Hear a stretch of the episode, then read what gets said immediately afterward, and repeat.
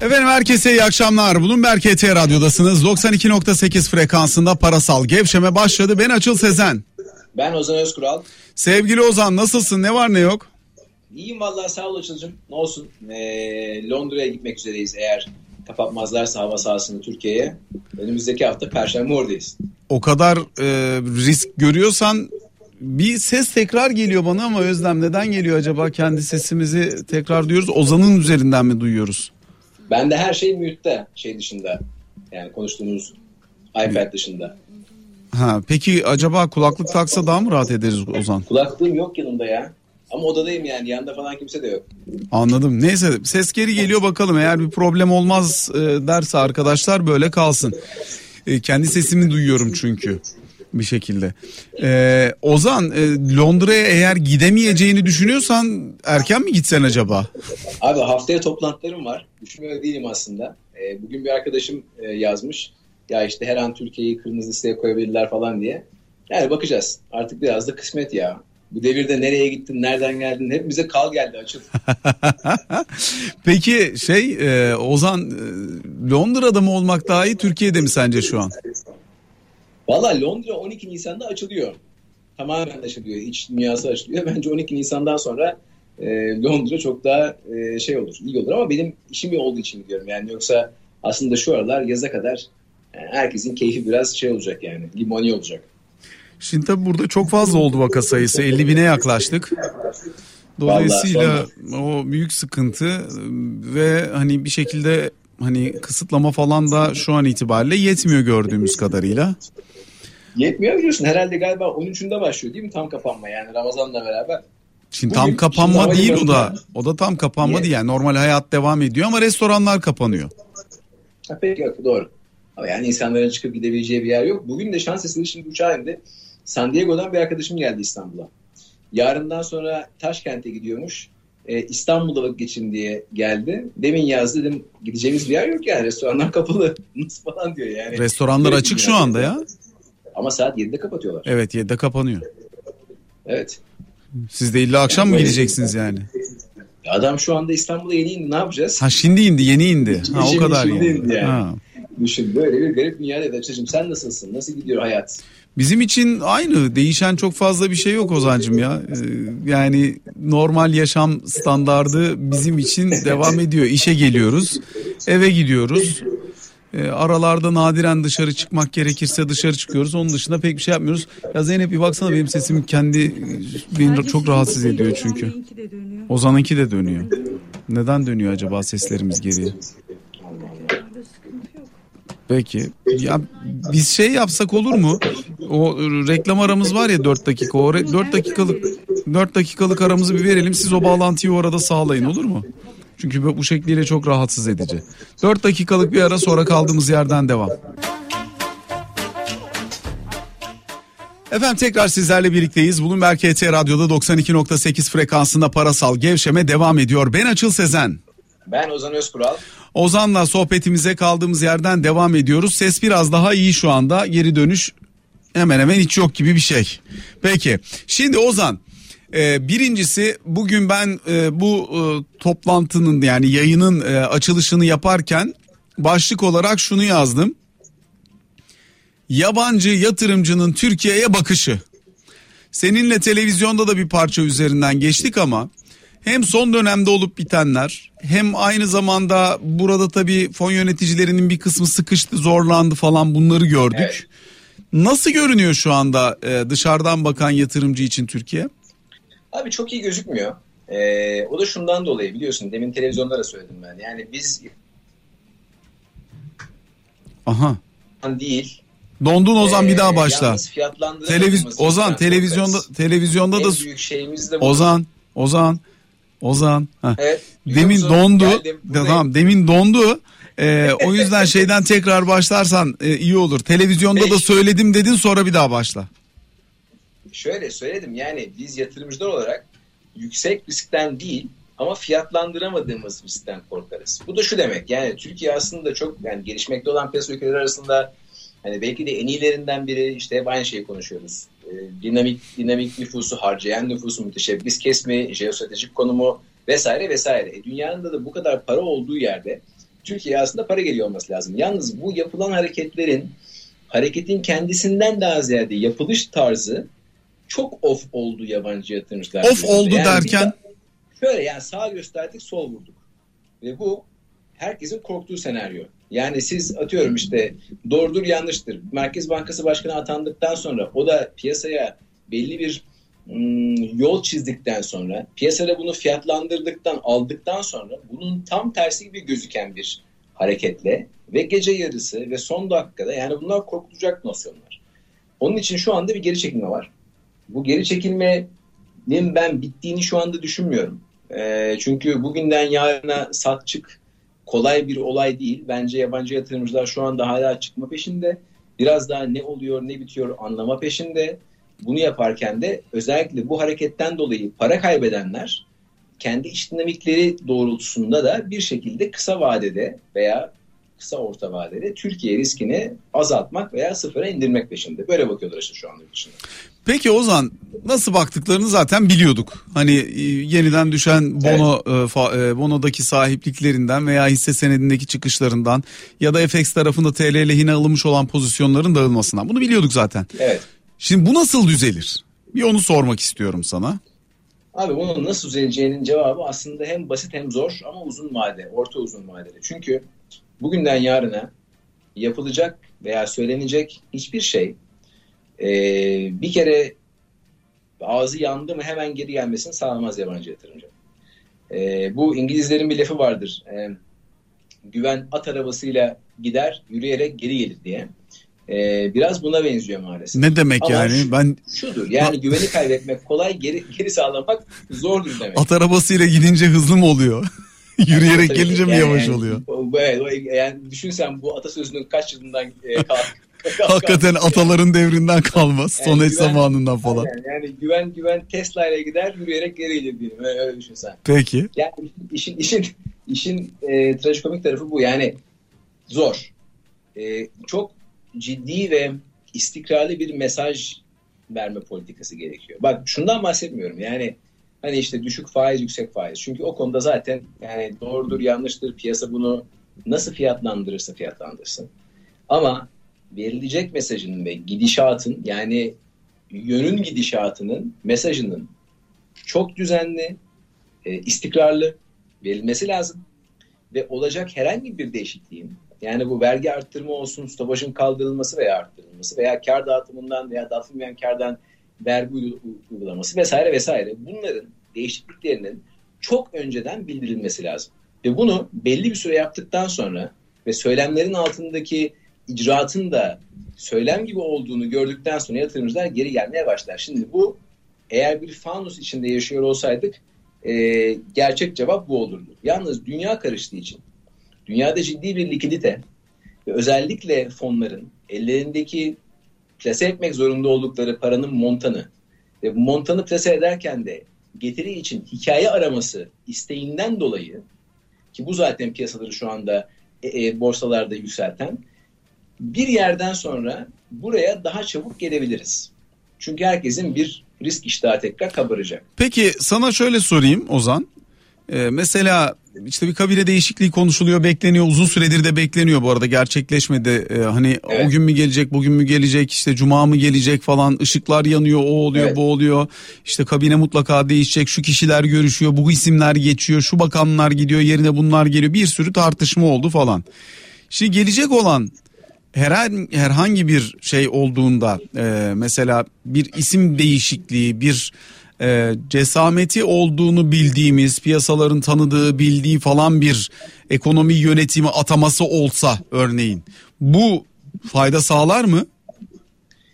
Yani fa- fayda sağlar mı? Tabii ki de sağlar. Ama senin benim umduğum kadar fayda sağlar mı? Hayır sağlamaz. Çünkü tekrar esasına dönüyorum. Yani Naci Ağbal e, hem içeride hem dışarıda yatırımcılar tarafından sevilen teknokrat, daha önce Maliye Bakanlığı yapmış ve e, bir kredibilitesi olan bir sevilen bir teknokrat ve bir ağırlığı vardı. Yani Naci Ağbal herhangi, bir Merkez Bankası Başkanı değildi. E şimdi yani 3 ay sonra veya 6 ay sonra bir şekilde böyle gönderilmesi yani ben şunu söyleyeyim şu anda bence kabineye Janet Yellen girse bile çok fazla fark etmez. Neden? E çünkü yatırımcıların kafasında çözemedikleri ve tabii ki de yani fiyatlandıramadıkları risk şu. Neye göre atamalar veya kovmalar veya çıkarmalar veya yön değişimi oluyor? Şimdi normalde normal şartlarda e, şunu diyebilirsin ya işte atıyorum İngiltere Merkez Bankası Başkanı atandı. 5 senelik bir görevi var. Ama işte parasal gevşeme yapmak ister, sıkılaştırma yapmak ister. Her neyse ne. Ama 5 sene boyunca orada kalacağını herkes biliyor. Dur. E şimdi böyle kritik atamalar devamlı ata çek ata çek moduna geldiği zaman e bundan sonraki gelecek olan şahsın kim olursa olsun ve görüşü ne olursa olsun ne kadar kalacağı sorusu var ve bunu zamandan başka çaresi maalesef yok gibi gözüküyor şu anda. Efendim 0212 255 59 20 canlı yayın telefon numaramız. Ayrıca bizlere WhatsApp üzerinden 0536 266 81 81 numaralı telefondan ulaşabilirsiniz. Bloomberg KT Radyo Twitter hesabından canlı yayındayız. Ayrıca YouTube hesabımız üzerinden de yayınımızı izleyebilirsiniz. Clubhouse'dan da yine yayınımızı dinleme şansına sahipsiniz. Şimdi sesim gene geri gelmeye başladı bana nispeten az geliyor ama gene de geliyor. Şimdi e, sevgili Ozan özellikle Türkiye'de son dönem ne oldu? Ne yüksek geliyor? Sesiniz bayağı yüksek geliyor. Ozan Bey de bir konuşabilir. Ozan bir de sen konuşabilir misin? Ses testi yapacaklar. Peki benim sesim nasıl geliyor şu anda? Dönüyor mu? Yok. Ee, Ne oluyor? Şeyini yine kısması gerekiyor. Ay- Ha sen biraz e, şeyin tabletinin sesini kısabilir Abi misin daha sanırım? fazla kısarsam seni duyamayacağım. Dur yani Dudaklarımı Peki. okuyamıyor musun? Dudaklarımı oku.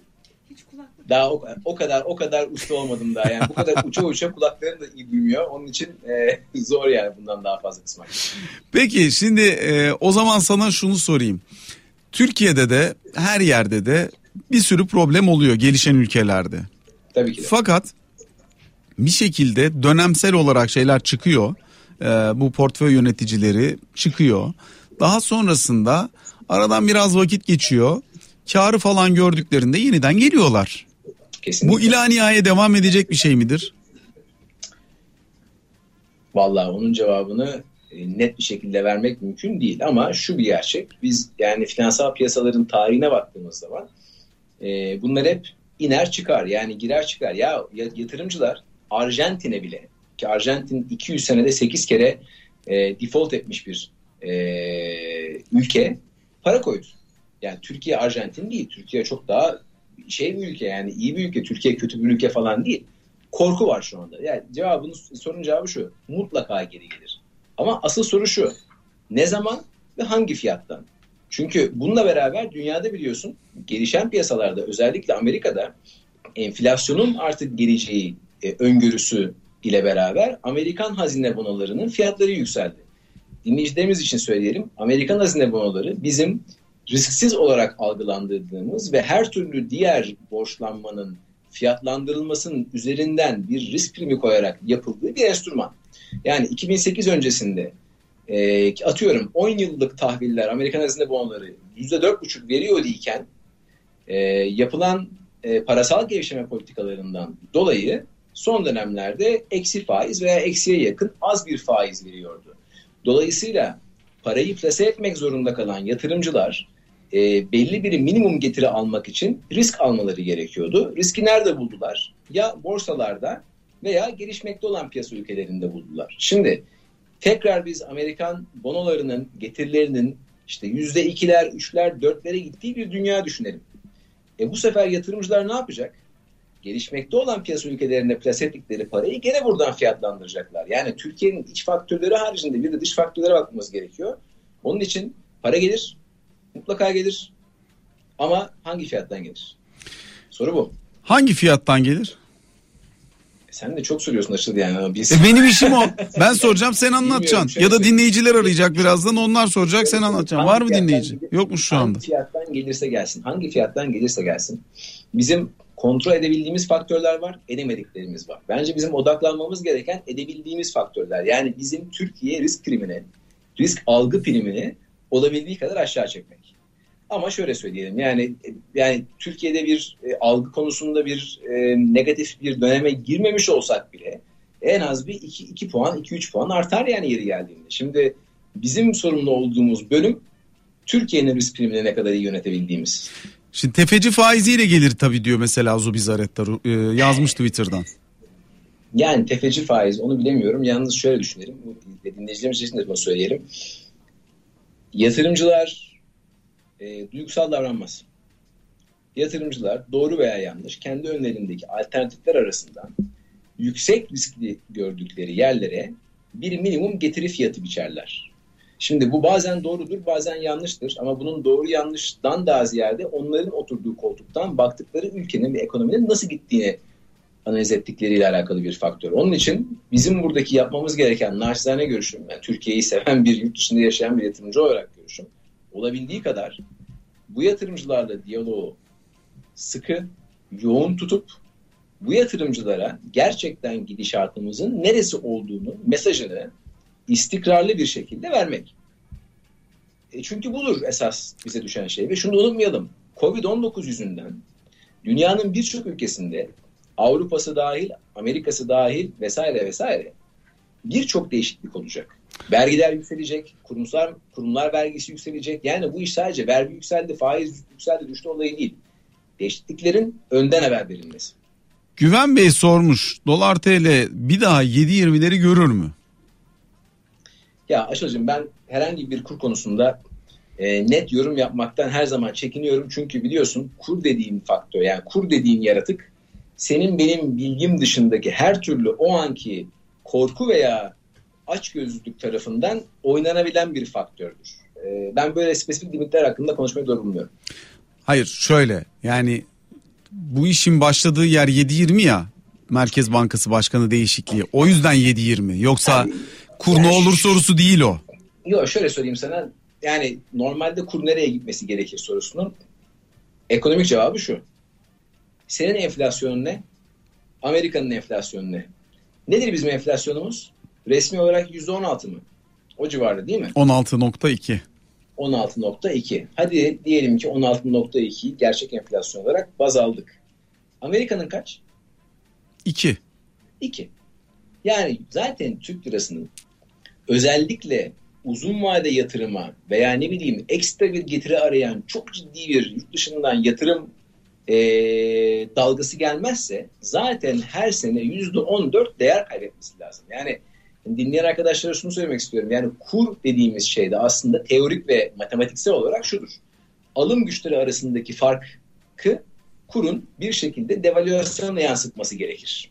Yani zaten Türk lirasının e, sene başından alalım zaten yıl sonuna kadar yüzde on dört değer kaybetmesi normaldir. Bunu ancak ve ancak yurt dışından gelen extraordinary, e, önemli bir para akışı değiştirebilir. 2003'lerden sonra gördüğümüz dönemdeki gibi. Bir dinleyicimiz var hatta. Alo. Çağlar Bey hoş geldiniz. E, merhabalar, hoş bulduk. Hoş geldiniz yayınımıza. Ee, var mı Ozan Özkural'a sorunuz? Ozan Bey evet küçük bir sorum olacaktı ama. Buyurun. Şimdi e, Ozan Bey faiz arttırımı ya da e, azaltımı ile ilgili malum bildiğiniz gündemde. Bir şey rica edebilir miyim? Radyonuz açık mı? Evet açık. Kapatırsanız Kapat. onu. Tamam. Ee, şu faiz artırımı ya da indirimi ile ilgili ortada birçok şey dönüyor. Ee, sizce faiz artırımı ya da indirimi, şu an indirimi özellikle çok gündemde olan bir konu. Şu an herhangi bir faiz indirimi gelse e, yine ülkemizde atıyorum dışarıdan gelen yabancı yatırımcılar panik olup dolar bazındaki kura geçerler mi? Bunu çok merak ediyorum. Şöyle anladıysam sorunuzu doğru olarak. Yani yabancı yatırımcı çıkar veya dolar bazlı derken şimdi faizler düşerse zaten şu anda şöyle söyleyeyim faizler düşmese bile diyelim ki faizler aynı kaldı.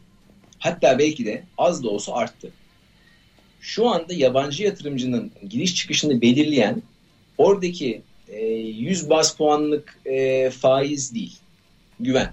Dolayısıyla bence kısa vadede, kısa dönemde yabancı yatırımcıların çıkışı bir şekilde bir e, pencere buldukları takdirde belli bir yere kadar devam eder. Ancak olur da faiz oranları düşüşe geçerse bu sefer e, ağzı yanmamış bu geçen hareketlerden ve burada aslında biraz daha uzun dönem kalabilecek yatırımcıların da getiri olarak yani dolar çünkü düşünce düşünelim. Yabancı yatırımcılarının birçoğunun bilançosu dolar. ve getirilerine doğal olarak bakıyorlar. Yani Türk lirasıyla bir işleri yok. Onlar sadece Türkiye'deki varlıklardan kazandıkları getirinin dolara swaplandıktan, değiştirdikten sonraki getirisine bakarlar. E şimdi bir şekilde Türkiye'deki getirileri TL'ye getir, yani daha doğrusu şöyle TL'ye getirilerinin e, montanı düşerse onlar için Türkiye daha az çekici bir ülke haline gelir. Onun için çıkış olur. Biraz daha çıkış olur. Aldık mı sorunun cevabını? Gitti dinleyicimiz. Peki. Bir dinleyicimiz daha var hatta. Alo. Fatih Bey hoş Fatih Bey. geldiniz. Buyurunuz. Hoş bulduk. Teşekkür ederim. Ee, Antalya'dan selamlar. Antalya'dan ne güzel. Antalya'da Evet. nasıl hava? Antalya'da bugün çok güzeldi. 22 derece civarlarında gözüküyordu. Oh ne Araçta. güzel. Antalya Antalya bizim üçüncü memleket sayılır. Ben Ankaralıyım. İstanbul'da yaşıyorum. Ailem Antalya'da yaşıyor. Kemer'de. Biliyorum biliyorum. Ben o kemerde sizinle karşılaşan arkadaş. Geçenlerde bir ay iki ay önce Aysun Hanım'la programınızda aramıştım. Ha Sosyal siz tepkisi de- de- denizde tepemden çocuklar sarkarken konuştuğumuz E- evet, arkadaşsınız. e- e- evet evet. evet. Hatta o gün başka bir dinleyici sizi hani pozisyon alıyor musunuz e, kendinizde? Evet evet hatırladım. şeyleri? Hatırladım Evet, doğrudur. ben de arayıp hani doğrudur. sizi desteklemiştim. Hatırladım. Hatırladım. doğru olduğu. Tamam buyurun. Evet. Hatta ben de size o konuyla ilgili o gün konuşulanlara istinaden bir şey sormak istemiştim. Ee, konuğunuza Ben hatırladım. sorum olmayacak. Hatırladım sizin yayınınızda. Buyurun şimdi. Ee, Aysun Hanım o günlerde 24'e düşerse oradan alabilirsem çok daha memnun olurum demişti gümüş için. Ee, son dönemdeki programlarını takip edemedim, yetişemedim. Acaba onunla ilgili başka bir yorumu oldu mu? Onu e, size sormak istedim bir. Ee, bir ben de, hatırlamıyorum ya Aysun ne demişti e, son gümüşle ilgili olarak. 24'e düşerse Onu hatırlıyorum da ondan sonrasını ama ondan Almıştır sonrasını herhalde. hatırlamıyorum. Ondan sonrasını Ha. hatırlamıyorum. Tamam o zaman sıkıntı yok. Şu anki konuğunuzla ilgili ben yeni yayın dinlemeye Ozan e, Özkural diye bir konuğumuz var. Kendisi e, şey e, böyle Orta Doğu ve Balkanların son e, müzmin bekarlarından öyle söyleyeyim. Artık artık başımız bağlı sayılır Açılcım. Bunu bunu bunu bunu söyleme yani. Bilmiyorum Bence artık. Ben daha ben daha görmedim. Ben yani. ben daha görmedim. Yani. Rica ederim.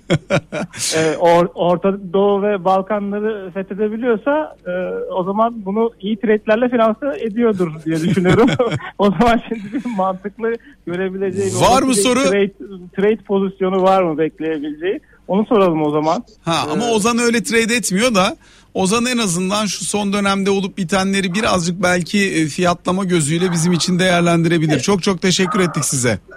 Tamam ben de İyi teşekkür akşamlar ediyorum. diliyoruz, İyi hoşça kalın. akşamlar. Şöyle, Sağ olun. şöyle söyleyeyim Açılcım yani ben biliyorsun ya dinleyicimiz için söylüyorum. Bizim ilgilendiğimiz alanlar daha çok finansman ve distressed yani problemli varlıklar. Ve bu işi daha çok biz Amerika ve Avrupa'da yapıyoruz. Fon tarafı olarak.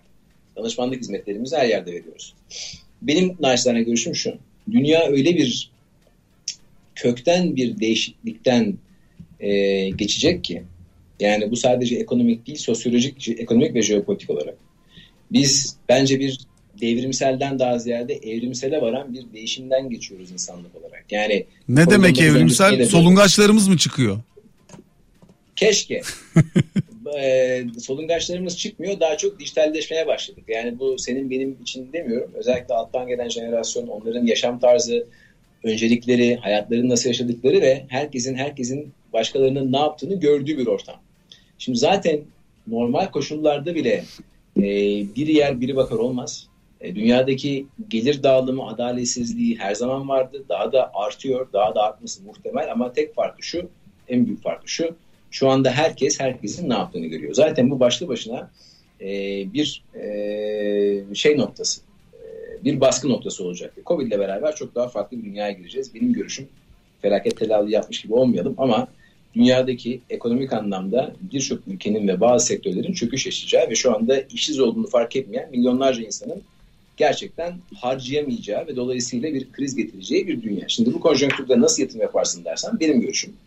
E, dolar bazında mesela enflasyonun ikilerde olduğu yerde dolar bazında 5-6'lık bir getire tab olup risk adjusted olarak iyi bir yerde yani Risk adjusted derken yani riske göre ayarlanmış diyelim. Yani düşük risk ve paranıza likit aksesiniz olabileceği bir yerdeki %5-6'ya tab olup bekleyip biraz likit kalıp işler ne zaman olacaksa biraz daha kötüye sardığında o parayı değerlendirmek. Çünkü Şimdi fırsat Ben- kollama zamanı diyorsun. Yani olmuşlar zaten toplandı ağacın en tepesinde var. Oralardan almaya çalışırsan e, evet lezzetli meyve olabilir ama kafayı gözü yarma riski var.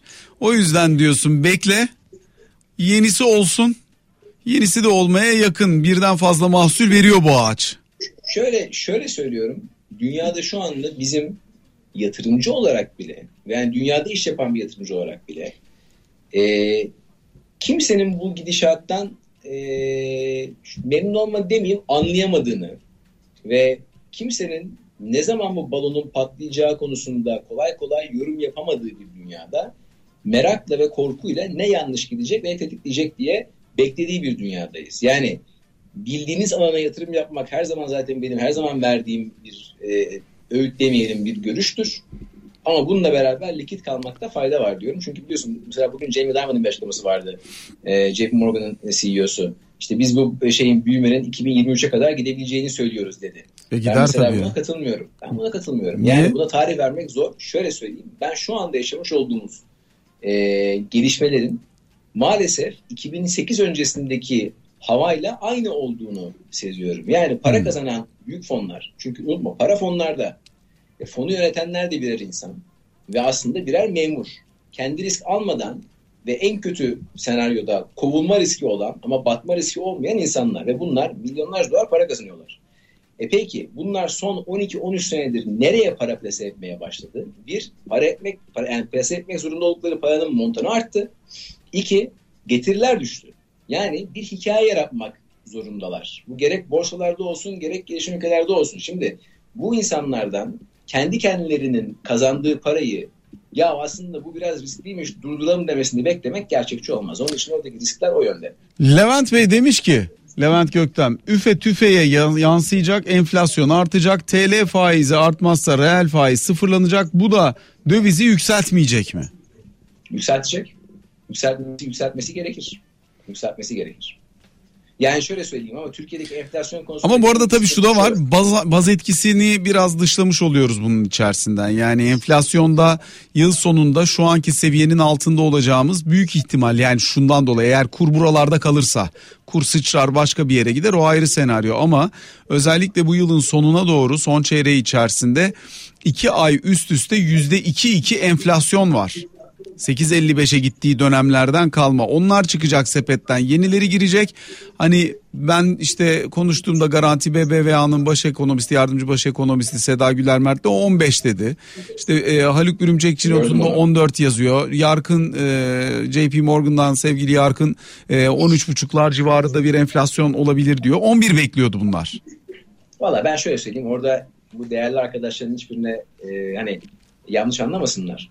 Ben küresel anlamda ekonomistlerin e, bu konudaki yorumlarına pek e, ağırlık vermem. Çünkü çok reaktiflerdir. Yani ellerindeki varsayımlar değişince e, forecastleri de değişir. E, Ben normal tabii ama Türkiye, Türkiye konusunda şu. Yani biz maalesef Türkiye olarak enflasyon ithal eden bir ülkeyiz.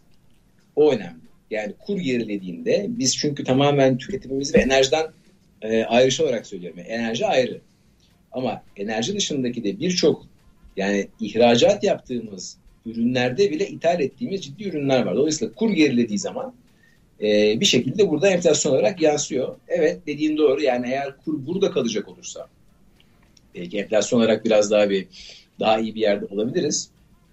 Ama ben tekrar söylüyorum şu andaki e, Amerika enflasyonu ve Türkiye enflasyonu arasındaki 14 puanlık farka baktığımız zaman ben kurun burada kalacağını e, düşünmüyorum. İnşallah ben yanılıyorumdur. risk olarak gidebileceği yerler nereler?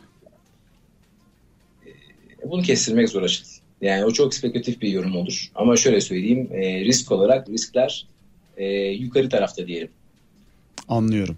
0 212 255 59 20 numaralı telefondayız. Kim var hattımızda? Fikret Bey buyurunuz. Alo. Fikret Bey hoş geldiniz yayınımıza buyurun. Ha, merhabalar, iyi yayınlar Açıl Bey. Buyurunuz Ee, efendim. Ozan Bey'e de merhabalar. Ya benim sorum şu olacaktı.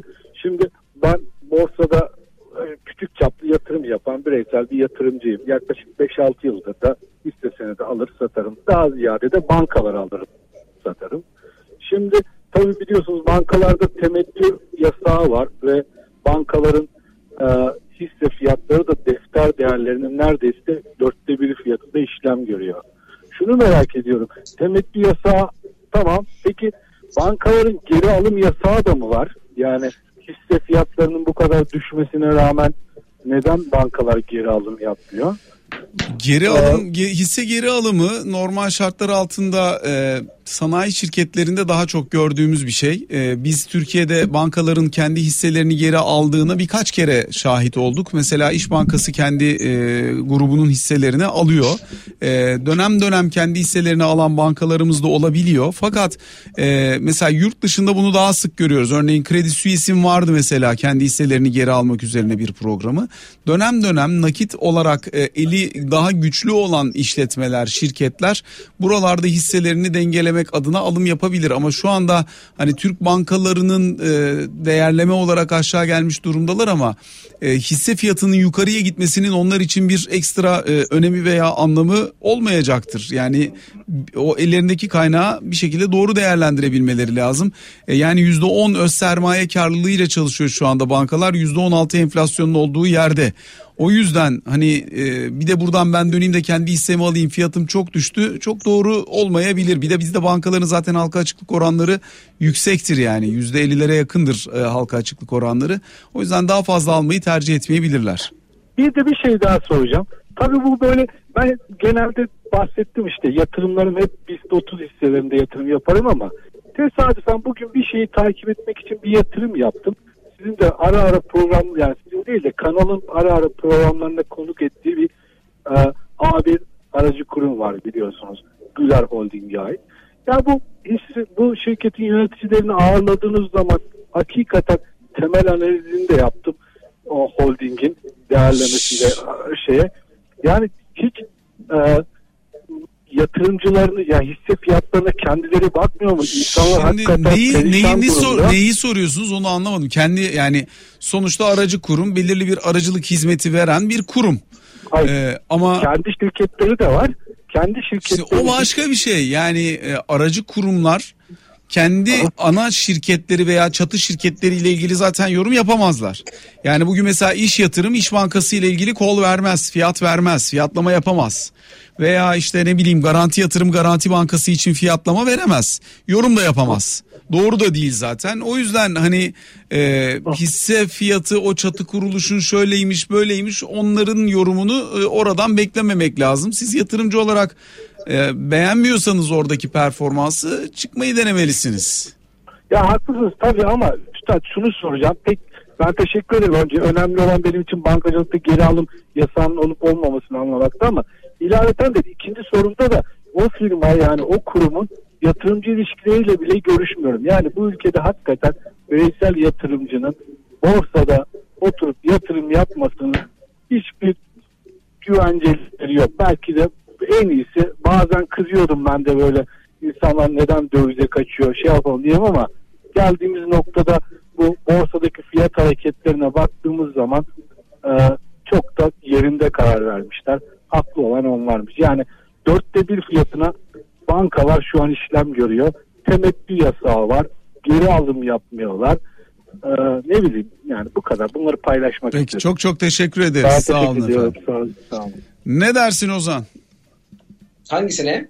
Hepsine bankalarla ilgili. Banka almak için. Yok, dünyada bankalar- banka almak bankalar- için iyi bir zaman mı? Ben bankalar konusunda senin görüşüne katılıyorum. Ee, Türkiye'nin iş dinamikleri, bankaların e, yüksek miktarda oranda halka e, açık olması artı işte %10 sermaye rasyosuyla %16'lık enflasyonda kolay kolay hisselerini geri alması e, olacak bir durum bence de değil. E, zaten şöyle bir şey söyleyeyim ben sana. Yani bu küresel piyasalarda da büyük problemlerden bir tanesi şu olarak algılanıyor. Yani bu kadar para basıldı. E, paralar kime gitti? Kurumlara gitti. Bu kurumlar o parayla ki para basılması normalde o parayı gerçekten bir büyüme yaratacak yerlere yatırıyorsanız sıkıntı yok. Ama likiditem var, çok bir anda nakdim oldu, hadi kendi hissemi geri alayım diyorsanız orada sıkıntı var. Onun için e, zaten bu küresel bir e, soru aslında. Yani Anlıyorum. büyümeye odaklı yatırım yapmamız lazım bir şekilde. Peki 0212 255 59 20 numaralı telefondayız. Buyurunuz efendim. Hakkı Bey. Merhabalar, iyi akşamlar Atıl Bey. İyi akşamlar. Buyurun Hakkı Bey. Ya şunu sormak istiyorum. Türkiye'de bazı şeyler çok kötü giderken eee, çok iyiye çevirebiliyoruz. Hani bundan önceki eee, durumlar aynı bu yönetim tarafından herkes kötü fiyatlamalar yaptığında ya da kötü yorumlar yaptığında e, düzelemez dediklerinde geçen sene hatırlarsınız 2018'de falan dolar 10 lira olacak 15 lira olacak derken e, 7.20'lerden 5 liralara kadar düştü 5,5 liralara kadar düştü. Böyle bir şey var mı gene bu sene bu böyle bir şey beklenebilir mi? Yani hükümet kendini güven tazelemek için ekonomide kurda e, şu an verdiği kararların tam tersini değiştirebilecek kadar e, bazen proaktif olabiliyor. Bu beklenir mi? Bu bekliyor mu konuğunuz? Onu öğrenmek istedim. Bekler misin Ozan?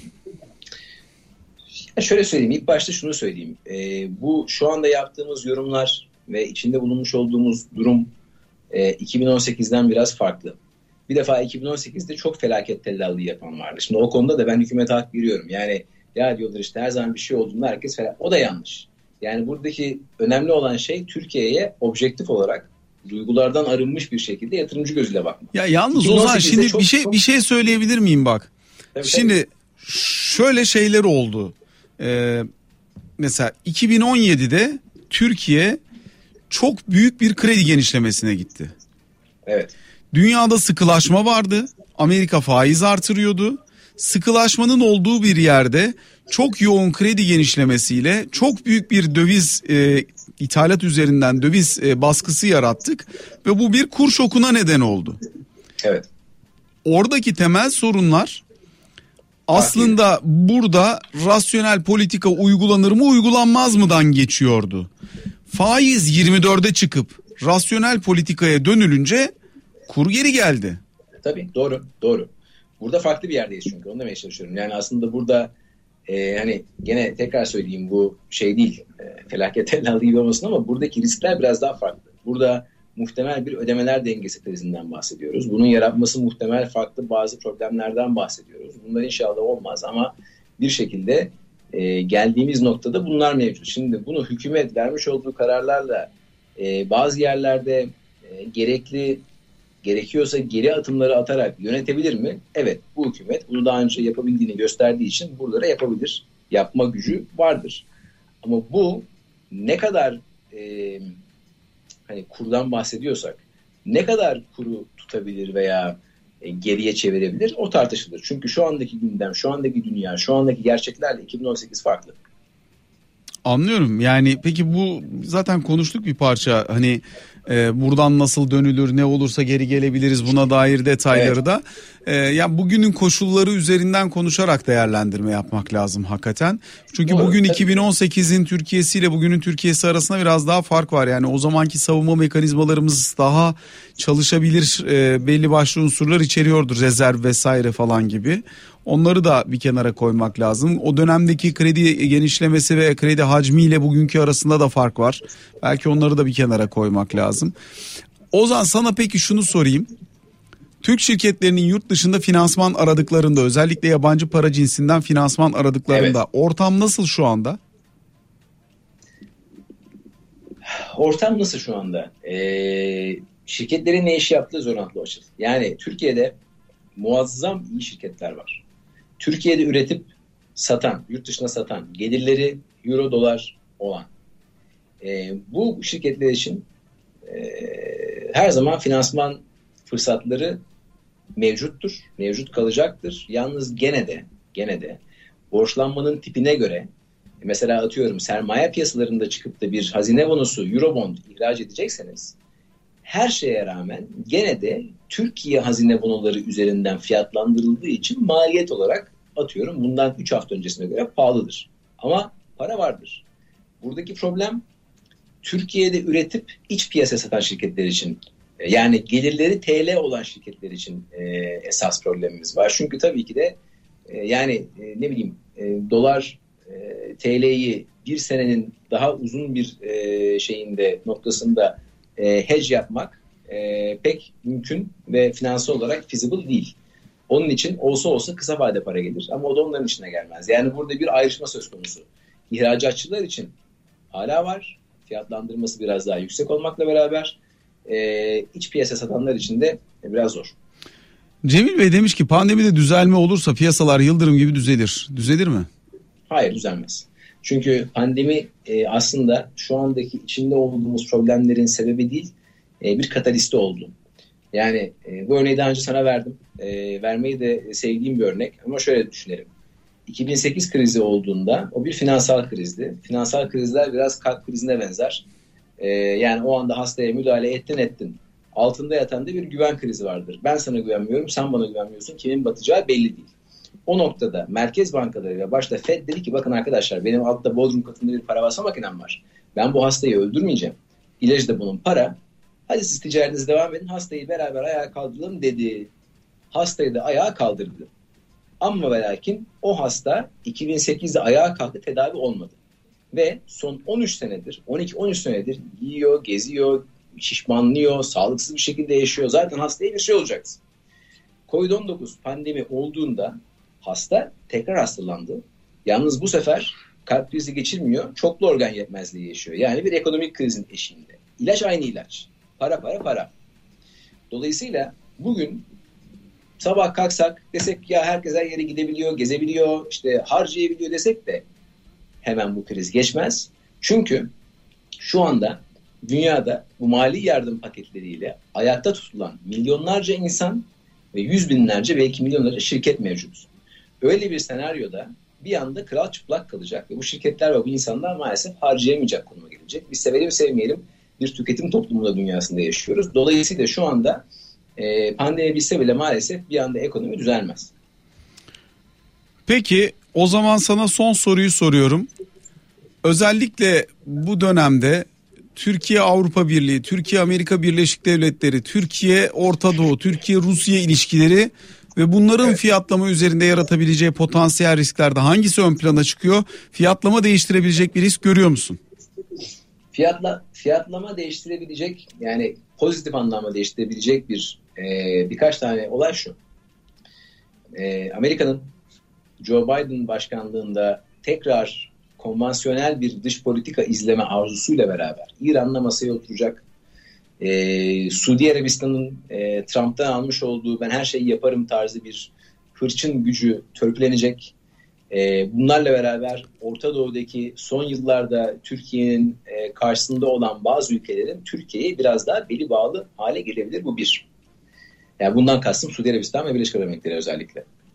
İki, gene bu Amerikan dış politikası eşliğinde e, Türkiye'nin Mısır'la arasının düzelme ihtimali, İsrail'le arasının resmi şekilde düzelme ihtimali pozitif bir gelişme olabilir bu iki. E, İngiltere'nin Brexit sonrasında e, kendine AB dışındaki daha da derin bir müttefiklik ilişkisi araması zaten derin olan ilişkileri Türkiye ile AB'nin iki ucunda olan, dışında olan bir ülke olarak derinleştirebilir. Bu üç. Ve bununla beraber İngiltere ve ABD arasındaki özel bir ilişkiyi de Türkiye kullanabilirse ABD ile aramızda ki orada çok daha fazla risk faktörleri var geçmişten kalan o ilişki biraz daha e, rayına oturabilir bu dört. Şimdi Türkiye AB'ye girer mi? Tamam. Türkiye AB'ye girmeli mi? Çünkü AB bizim zamanında girmek istediğimiz bir e, şeklin şemalinden çıktı. Ama Türkiye'deki bazı yapısal reformlar, sosyal ve ekonomik reformlar AB'ye girme e, havucuyla eğer bir değişim pozitif anlamda yaratabilirse bu Türkiye'nin avantajını olur. Şimdi bunlar pozitif riskler. Daha doğrusu pozitif taraflı riskler. Negatif tarafta şu var. Türkiye Libya'da ne yapıyor ve ne yapacak? Türkiye çok haklı olmuş olduğu Doğu Akdeniz'deki gaz arama çalışmaları konusunda bu AB ile ilişkileri düzelteceğim uğruna taviz vermek zorunda kalacak mı? Özellikle Yunanistan'ın oradaki vetosunu söz konusu bulundurursak.